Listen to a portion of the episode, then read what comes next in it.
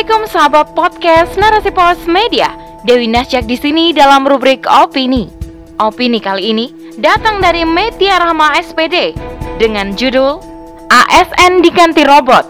Solusi yang berbobot? Problem pengangguran di negeri ini saja belum menemukan solusi. Ditambah wacana robot pengganti tenaga manusia, maka bisa dibayangkan akan semakin bertambah pengangguran. Selengkapnya, tetap di podcast Narasi Pos Media. Narasi Pos, cerdas dalam literasi media, bijak menangkap peristiwa kunci.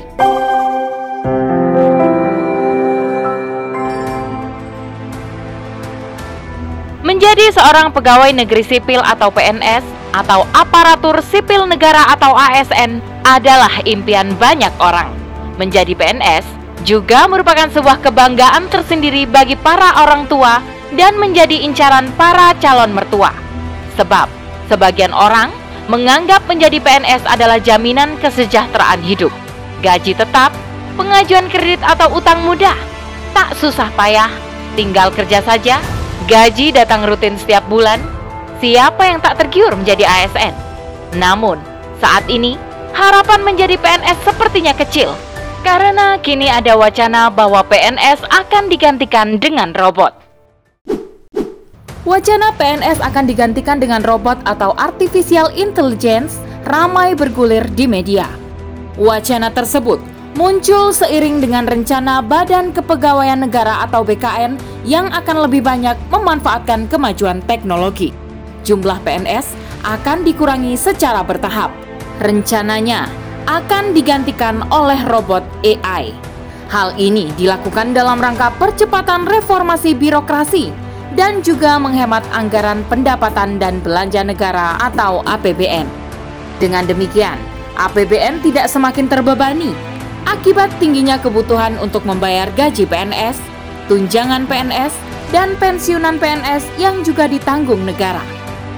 Ketua Umum Dewan Pengurus Nasional Korps Pegawai Republik Indonesia atau Korpri, Zudan Arif Fakrullah, mengatakan PNS berkualitas memadai tidak akan tergantikan dengan sistem kecerdasan buatan yang menggunakan mesin robot. Rencana pemerintah untuk menerapkan teknologi dalam sistem administrasi pemerintahan merupakan pemicu bagi seluruh ASN untuk meningkatkan kapabilitas mereka menjadi lebih mumpuni. Jika PNS tidak berkualitas, maka pasti tergantikan. Jadi, ini untuk memotivasi dan memacu para ASN agar menjadi ASN yang berkualitas. Direktur Jenderal Kependudukan dan Pencatatan Sipil Kementerian Dalam Negeri tersebut mengatakan, beberapa sektor dalam lingkup instansi pemerintah masih memerlukan kehadiran ASN dalam bentuk sumber daya manusia atau SDM. Dalam banyak hal, ASN tidak bisa tergantikan, seperti yang terkait dengan empati, kerjasama, dan kemanusiaan itu sampai saat ini belum bisa tergantikan oleh robot atau mesin, katanya. Jika PNS yang digantikan oleh robot, sudah pasti angka pengangguran akan bertambah. Per Agustus 2021, Badan Pusat Statistik atau BPS mencatat jumlah pengangguran di Indonesia sebanyak 9,1 juta orang. Jika nanti PNS benar-benar dikurangi dan digantikan oleh robot, pengangguran akan semakin bertambah. Pengurangan ini juga akan berdampak pula pada sistem perekrutan PNS. Kemungkinan besar Seleksi untuk menjadi PNS akan lebih diperketat dan formasi yang dibutuhkan juga akan terus menyusut. Efeknya luar biasa bukan? Jika robot menggantikan manusia, tidak terbayang kita dilayani oleh robot. Seperti di negara-negara maju, Jepang misalnya.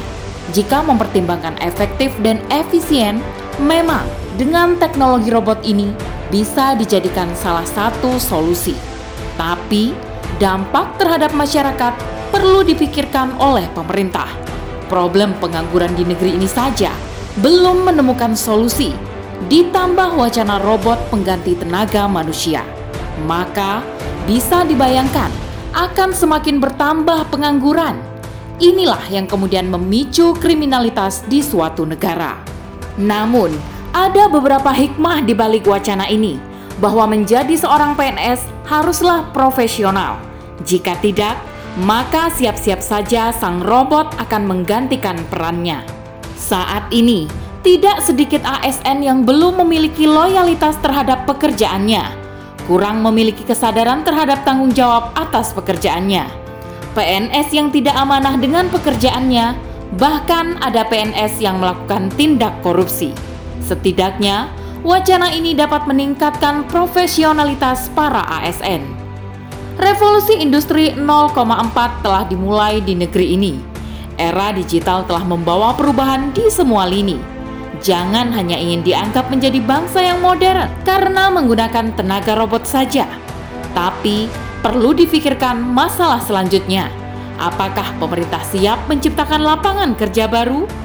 Perlu menjadi catatan, apakah dengan tenaga robot, anggaran yang dikeluarkan cukup? Dari biaya pengadaan, operator dan biaya perawatannya, tentunya akan memakan banyak anggaran.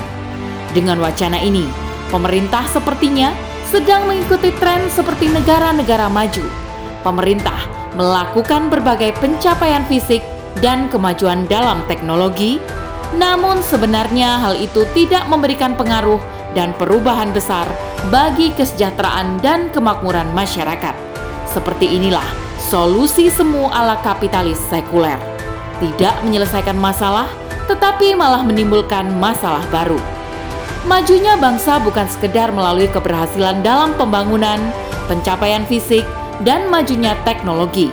Pembangunan fisik tercapai, tetapi tingkat kesejahteraan masyarakatnya rendah. Ini bukan ciri negara yang maju. Dalam Islam, kemajuan bangsa tidak sekedar diukur dari pencapaian fisik dan kemajuan teknologi yang digunakan. Islam hadir di dunia sebagai problem solving telah memberikan petunjuk bagaimana seorang pemimpin mengurusi rakyatnya.